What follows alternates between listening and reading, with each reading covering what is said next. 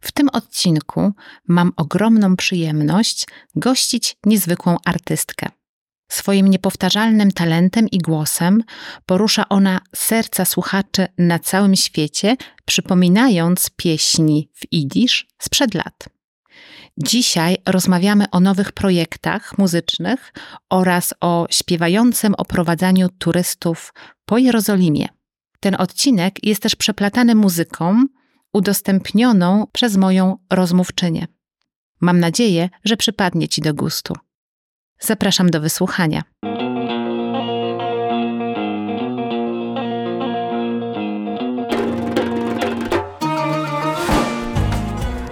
Cześć, nazywam się Justyna Zeruk, a to jest podcast po Izraelu. Jeśli interesuje Cię Izrael, planujesz podróż do tego kraju, a może po prostu lubisz słuchać ciekawych historii, ten podcast jest dla Ciebie. Zapraszam do słuchania.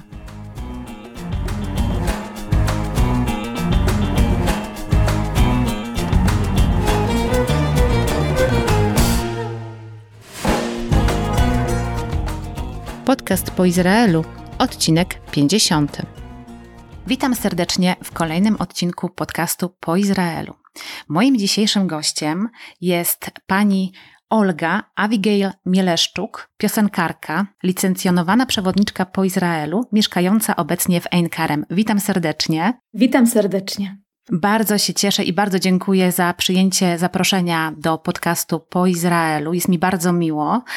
Dzisiaj porozmawiamy o Pani historii, o muzyce, o Izraelu, o obecnym zajęciu, którym jest prowadzenie grup po Ziemi Świętej, ale takie pierwsze pytanie, które zadaję wszystkim moim gościom pojawiającym się w podcaście, to jest pytanie o ten pierwszy kontakt z Ziemią Świętą, pierwszy kontakt z Izraelem. Kiedy to było, jak to wyglądało, jakie wspomnienia Pani z tego pierwszego kontaktu, z tego pierwszego spotkania z Ziemią Świętą przechowuje Pani w swoim sercu i swojej pamięci?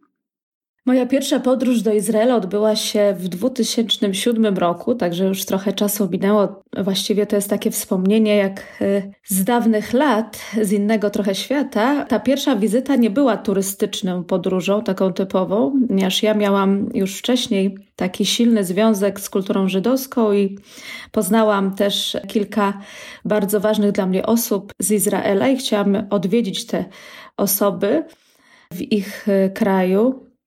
I przybyłam, pamiętam, w takim okresie właśnie mniej więcej tak jak teraz, tuż przed świętem Pesach, tuż przed świętem żydowskiej Paschy. Było dużo cieplej niż obecnie, to też pamiętam. Prawdopodobnie to było w kwietniu już.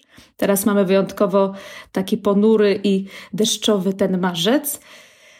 Pamiętam, że to była taka miłość od pierwszego wejrzenia właściwie, obustronna właściwie, bo ja się czułam, spotkałam bardzo dużo ludzi z różnych właśnie kultur, grup społecznych, bardziej to były takie e, spotkania z ludźmi niż zwiedzanie typowe, ale też oczywiście zwiedzałam, byłam w Jerozolimie, byłam w Galilei i miałam takie poczucie, e, jakbym e, była długo oczekiwanym gościem, takim właśnie bardzo ciepłe, entuzjastyczne, przyjęcie, welcome.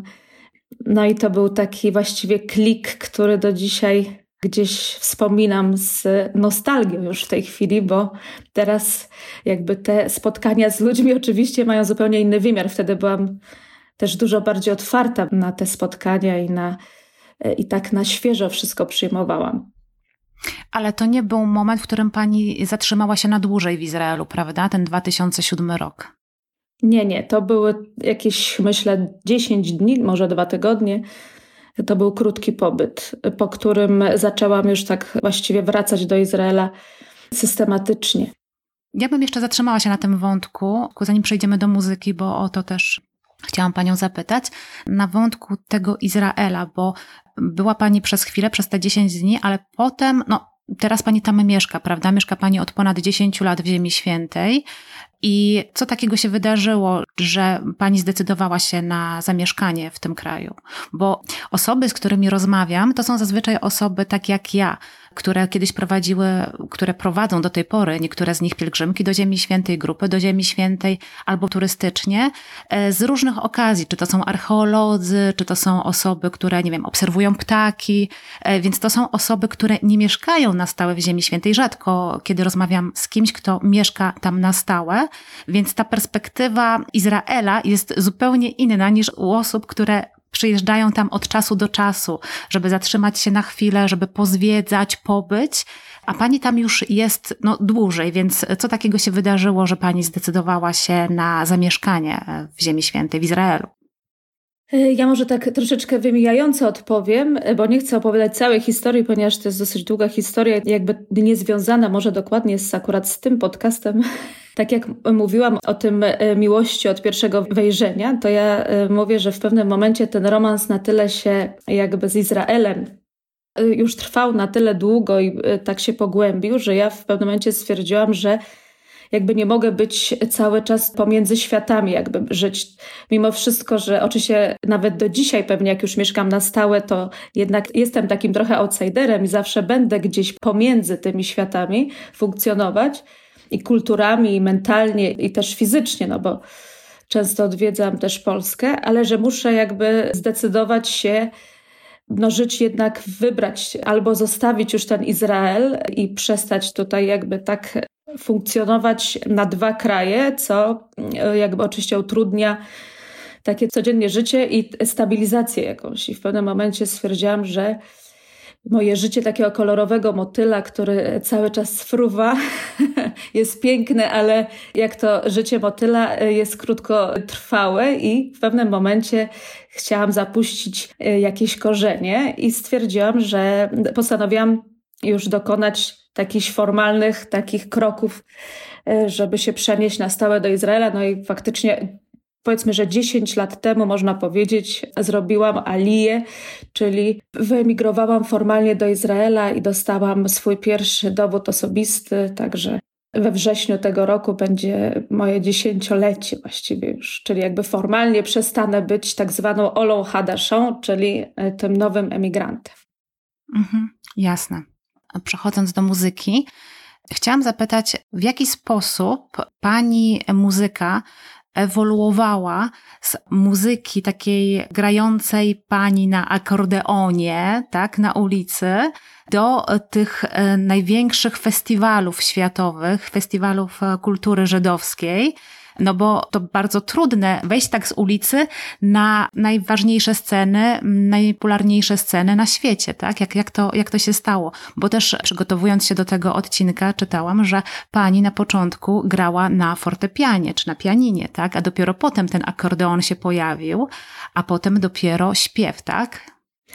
Tak, to jest tak, że ja śpiewałam właściwie od, odkąd pamiętam, od zawsze, od e, wczesnego dzieciństwa i zajęłam się muzyką też od e, właśnie od szóstego roku życia. Grałam na fortepianie i e, skończyłam szkołę muzyczną pierwszego i drugiego stopnia w Warszawie. No i więc jakby zajmowałam się, mam wykształcenie muzyczne związane z muzyką klasyczną. Ale w związku z takim moim zawodem pewnym, jeśli chodzi właśnie o grę na fortepianie, ponieważ okazało się, że w pewnym momencie ograniczenie związane z budową ręki, takie typowo cielesne, właściwie fizjologiczne ograniczenie, spowodowało, że no nie mogłam jakby musiałam porzucić te marzenia o, o, takiej karierze solistycznej czy karierze właśnie związanej z muzyką klasyczną, ponieważ tutaj ta budowa ręki jakby w pewnym momencie stać na tyle silną przeszkodą w rozwoju technicznym, że pewnych rzeczy już po prostu nie mogłam przeskoczyć. Więc to spowodowało nawet taki na tyle silny zawód, że przez 10 lat w ogóle nie zajmowałam się muzyką. Poszłam na studia na Uniwersytecie Warszawskim. Także wróciłam do muzyki właśnie w taki zupełnie nieformalny, spontaniczny sposób Miałam chłopaka Izraelczyka, takiego wagabundę tańczącego z ogniem i on mnie przekonał, że on potrzebuje akompaniamentu i e, namówił mnie właśnie na naukę gry na akordeonie. Ja wtedy się faktycznie nauczyłam grać już nie w szkole muzycznej, nie w takiej nie zajmowałam się już tą edukacją formalną, tylko po prostu nauczyłam się grać od ulicznego grajka, takiego starej daty warszawskiego akordeonisty. I byłam właśnie zachwycona, że ten akordeon można wszędzie zabrać, że właśnie nie mam tutaj żadnych takich ograniczeń związanych z formą, z techniką, że jakby no, w związku z tym, że zajęłam się właśnie muzyką ludową, i zaczęłam jednocześnie uczyć się pieśni idisz w teatrze żydowskim. Tam poszłam na taki kurs i mnie to bardzo też wciągnęło. Także e, wróciłam do muzyki, znaczy odeszłam od Bacha i, i Chopina, wróciłam e, z pieśnią Widzisz na ustach, także... Przepraszam, że się wtrącę, ale obecnie jest pani nazywana Queen of Yiddish Tango, królową Yiddish Tango. Co to znaczy? Tak, to jest e, jeden z dziennikarzy izraelskich taki mi nadał przydomek, który się tak przyjął jakoś właśnie w internecie. To tak bardzo pięknie brzmi oczywiście. Jest to związane z, z moim takim właśnie najbardziej popularnym i najbardziej ukochanym projektem tank żydowskich, tank w Idisz z którym występowałam właściwie już na całym świecie, faktycznie razem z, ze wspaniałymi muzykami z zespołu Tango Attack. Występowaliśmy na takich prestiżowych scenach, zarówno w Stanach Zjednoczonych, w Waszyngtonie, w Nowym Jorku, w Toronto, w Kanadzie, właśnie na festiwalach żydowskich, jak i w Europie, w czeskiej Pradze, w dużych takich synagogach. I oczywiście w Polsce i w, ostatnio też byliśmy w Norwegii, także jakby z tym projektem jeździmy po całym świecie już od wielu lat, chyba już od 10 lat nawet. E, w związku z tym jakby no też e, to odkrycie tych tank e, polsko-żydowsko-hebrajskich, no to jakoś tutaj mam swoją w tym zasługę.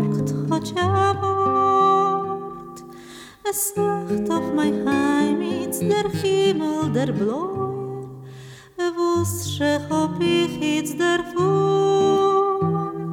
Ich geh wie ein Bettler bett für den Teure, ich bettel a bissel so.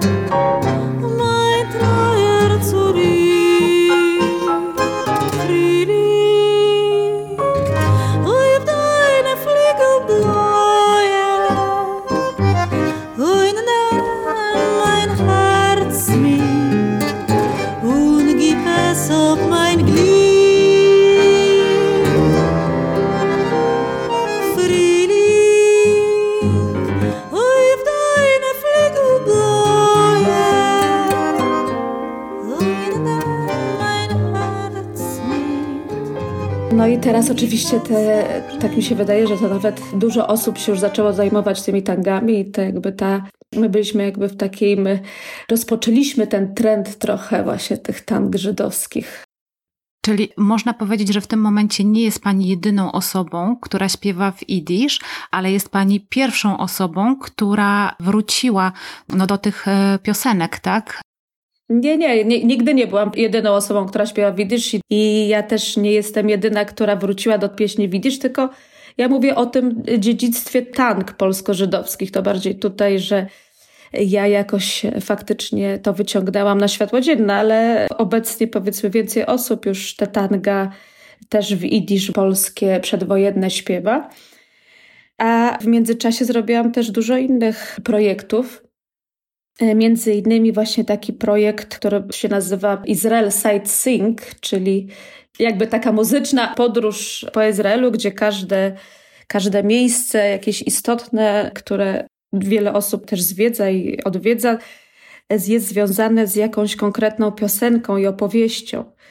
I to było zrealizowane, ten projekt, nagrana została właśnie płyta w czasie pandemii, kiedy zwiedzanie Izraela nie było możliwe. Izrael był zamknięty przez półtora roku właściwie na, dla turystów i ja postanowiłam zrobić taką muzyczną podróż po Izraelu, która w danym czasie była jedyną możliwą. Więc przyjeżdżałam i z tym projektem też koncertowałam w Polsce. Właśnie ten projekt jest związany też z wizualizacjami, także ci, którzy mieli jakąś nostalgię za Izraelem, mogli sobie poczuć się znowu, wrócić troszeczkę tak poprzez tą muzykę do tych znanych sobie miejsc, a ci, którzy jeszcze nie byli, no to to była taka zaprawa sucha trochę do tej podróży prawdziwej.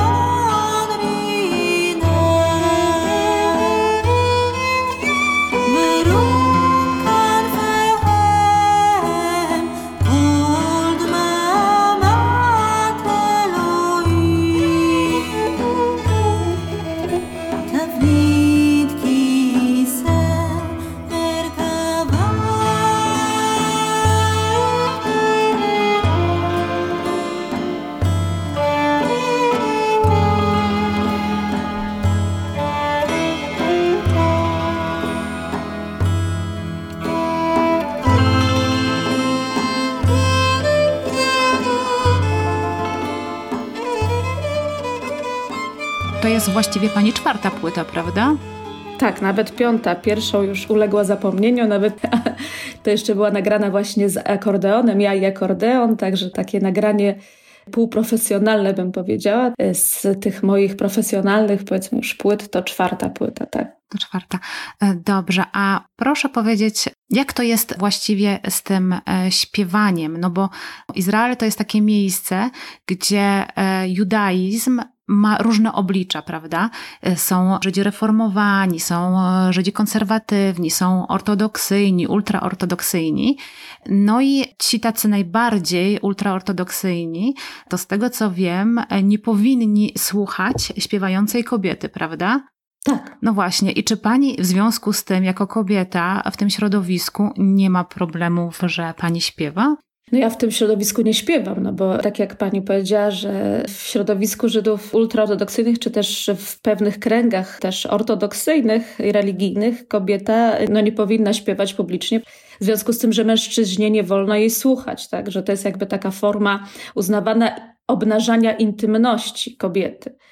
To jest pewne ograniczenie czasami i zdarzyło mi się kilka razy, że właśnie jeżeli to była jakaś taka impreza bardziej w kontekście religijnym, no to no, nie mogłam śpiewać. No oczywiście też, tak jak będziemy pewnie o tym mówić, o tych moich wycieczkach śpiewanych, no to też są miejsca oczywiście, których ja nie będę śpiewała publicznie, prawda? Też muszę brać pod uwagę te ograniczenia właśnie związane ze śpiewem kobiety, żeby nie spotkać się z jakimiś e, nieprzyjemnościami. Chciałam wrócić, przepraszam, chciałam wrócić jeszcze do tego momentu, kiedy pani grała na koordeonie w Bramie Jawskiej. Czy wtedy nie spotkały Pani żadne nieprzyjemności w związku z tym? No bo to jednak, co prawda wtedy Pani grała, ale być może Pani też śpiewała, nie wiem. Nie, śpiewałam też, tak, oczywiście.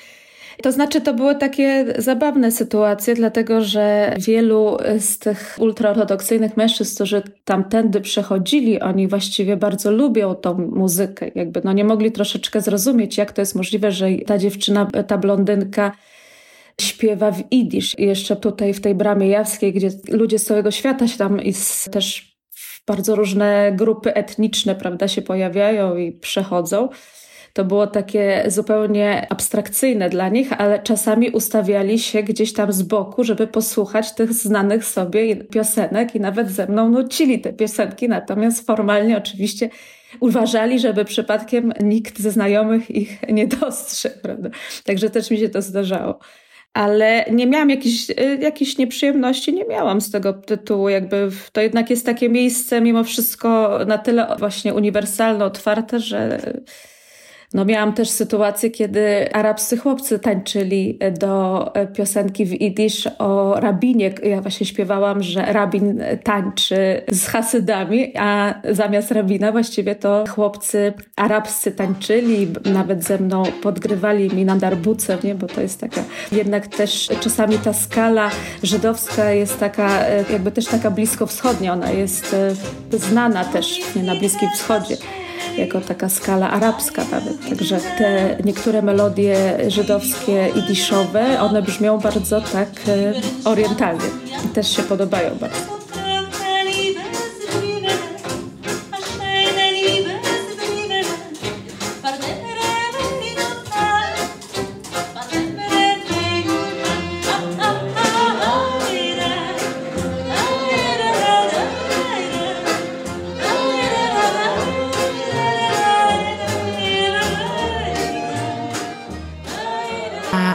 Powiedzieć, no bo w tym momencie działa Pani na rzecz odnowienia tej muzyki i kultury idisz. Czy to jest e, doceniane wśród e, osób, które mieszkają w Izraelu?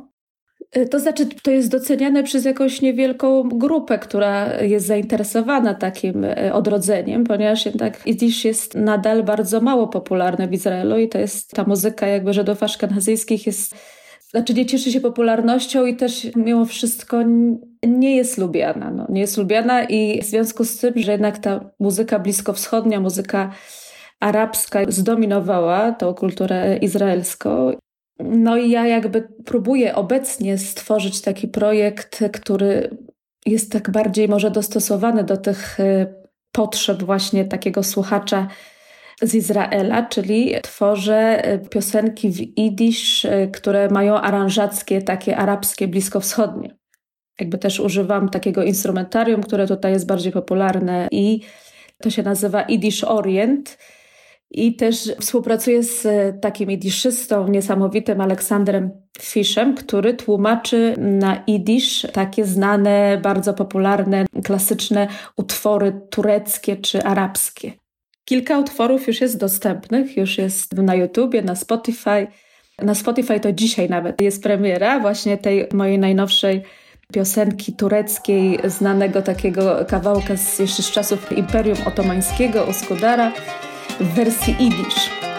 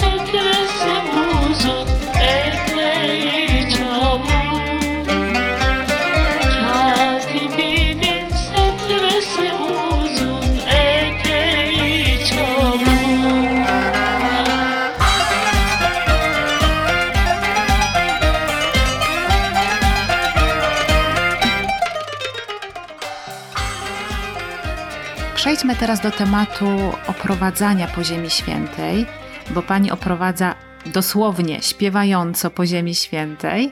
Jak to się stało, że Pani podjęła taką decyzję, żeby oprowadzać ludzi po Ziemi Świętej? Już od wielu lat, właściwie jak tutaj byłam, to słyszałam, że jest duże zapotrzebowanie na przewodników po polsku.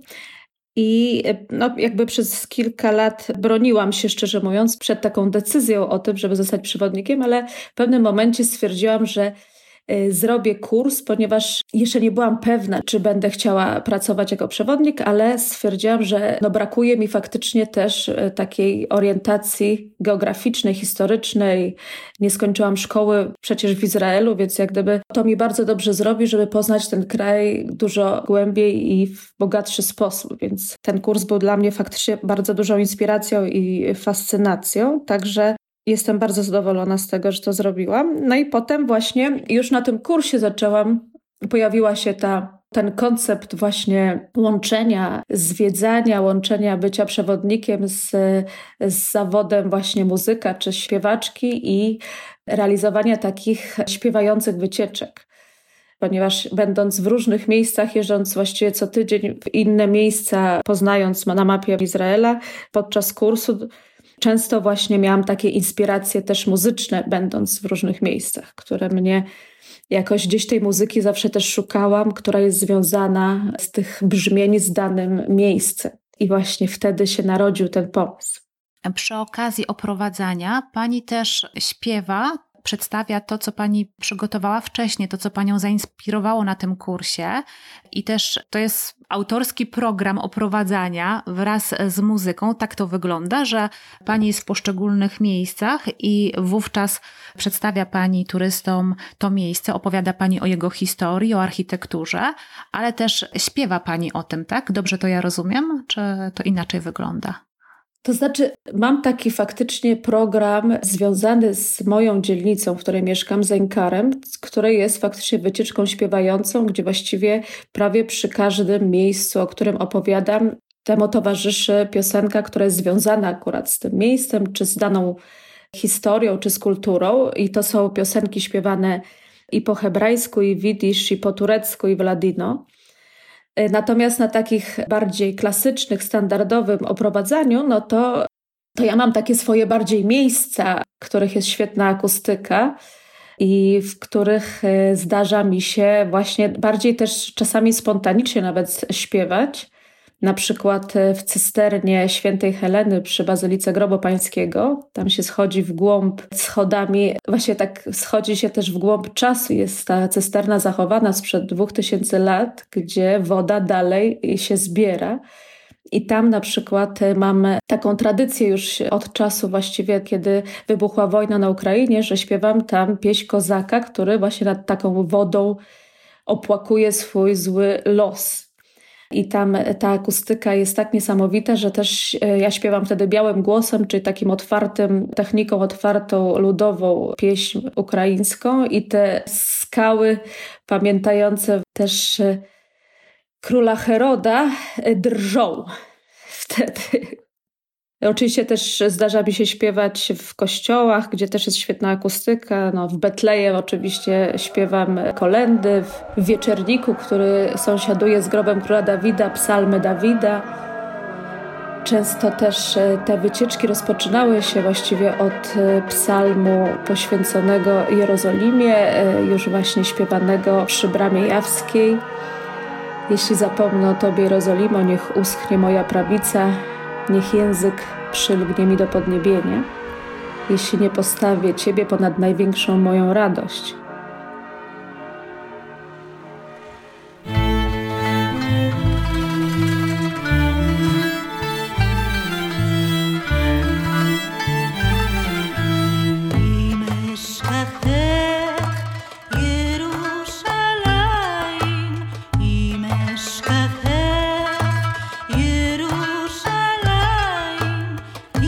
天。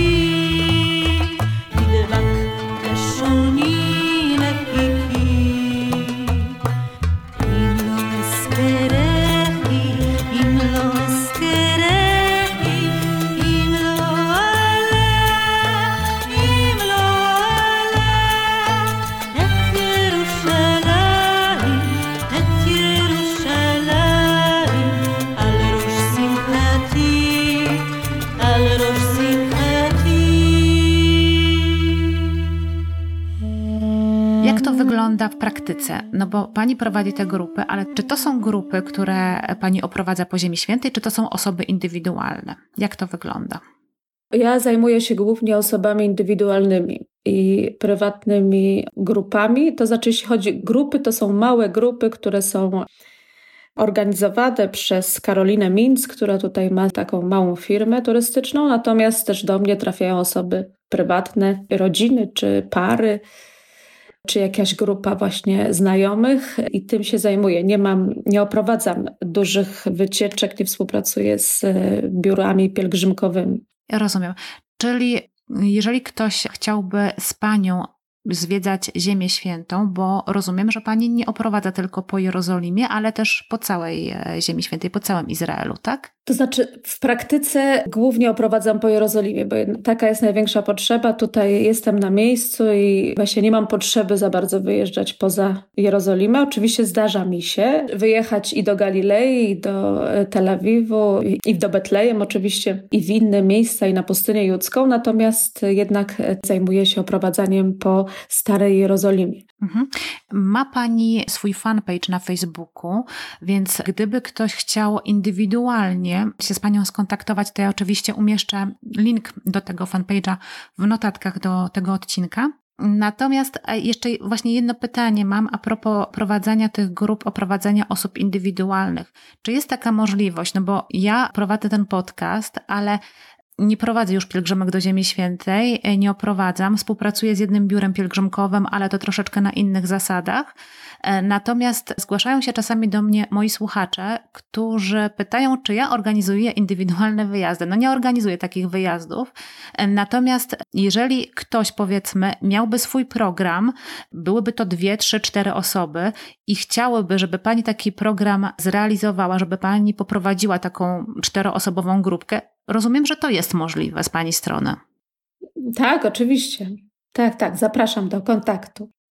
Okej, okay, także ten kontakt oczywiście będzie podany w notatkach do tego odcinka. Proszę jeszcze powiedzieć, skoro Pani ma takie doświadczenie właśnie w oprowadzaniu grup, oprowadzaniu turystów indywidualnych, jakie miejsce według Pani nie ma go w typowym e, programie turystycznym czy pielgrzymkowym, ale e, powinno się w takim programie znaleźć, e, no, według Pani opinii? Znaczy ja nie wiem, czy powinno, no bo tutaj jakby nie jestem w stanie narzucić jakby jakiegoś programu, bo jednak tutaj pielgrzymka też ma swoje ograniczenia. To jest kwestia też ilości osób, które e, są w takiej dużej grupie. Natomiast ja uważam, że takim miejscem, który na pewno bym polecała, to jest Ein Prat, oaza na pustyni judzkiej gdzie zarówno jest e, rezerwat e, przyrody i można tam się schłodzić w takim bardzo orzeźwiających, naturalnych źródłach, wodospadach, które tam są na środku pustyni, także to jest też niesamowite. Na przykład właśnie pojechać tam w lipcu czy w sierpniu, kiedy to jest chyba najlepszy moment, żeby schłodzić się w takich bardzo zimnej wodzie. Zresztą są tam baseny też o takich bajkowych nazwach basen daktylowy czy figowy. Jednocześnie są tam pozostałości e, po pierwszym klasztorze, który powstał na pustyni judzkiej, który był założony przez Charytona, legendarnego pustelnika i takiego właściwie ojca monastycyzmu chrześcijańskiego. Są pozostałości po akweduktach z czasów króla Heroda, z czasów drugiej świątyni. Są pozostałości też, są ruiny właściwie żydowskiego miasteczka, czy, czy też osiedla z czasów właśnie Jezusa.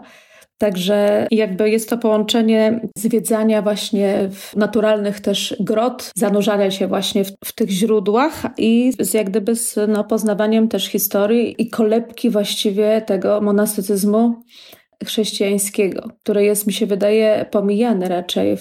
Chodzenie śladami ojców pustyni raczej się nie pojawia jakby w programie takich klasycznych pielgrzymek.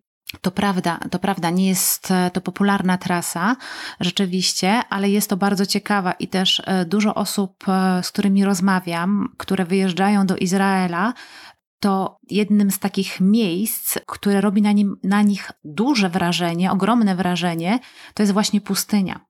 tego nie ma w Polsce, to jest zupełnie coś innego.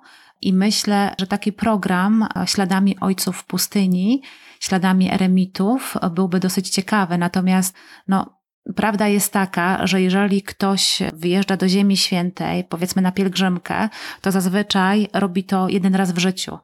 Jest niewiele osób, które mają takie szczęście i możliwość, żeby wracać tam wielokrotnie, a ci, którzy wracają, to rzeczywiście starają się zobaczyć jak najwięcej, zwiedzić jak najwięcej, poznać Izrael jak najbardziej się da, tak? Jak najbardziej to jest możliwe.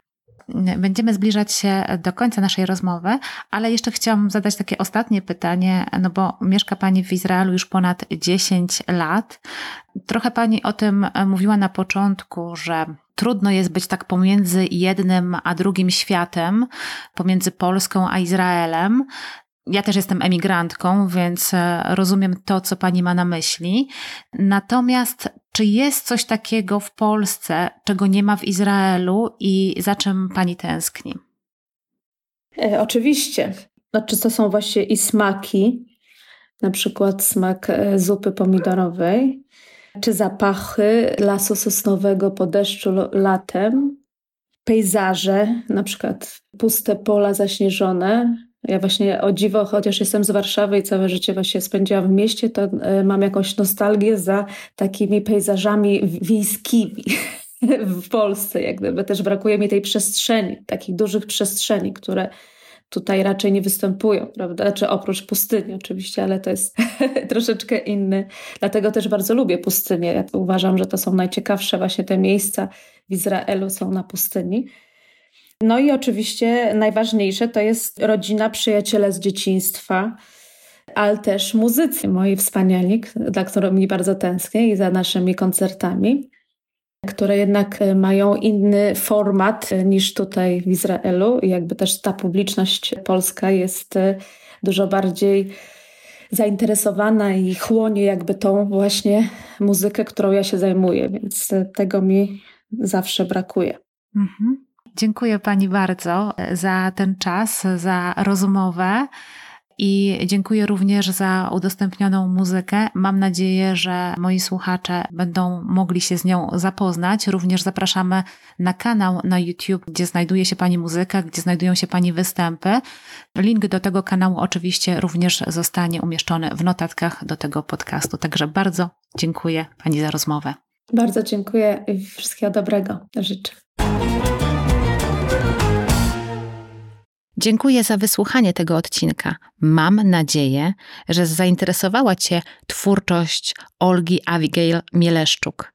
Zapraszam do zapoznania się z jej kanałem na YouTube, a jeśli wybierasz się indywidualnie do Ziemi Świętej i szukasz przewodnika, to kontakt do Olgi znajdziesz w notatkach do tego podcastu.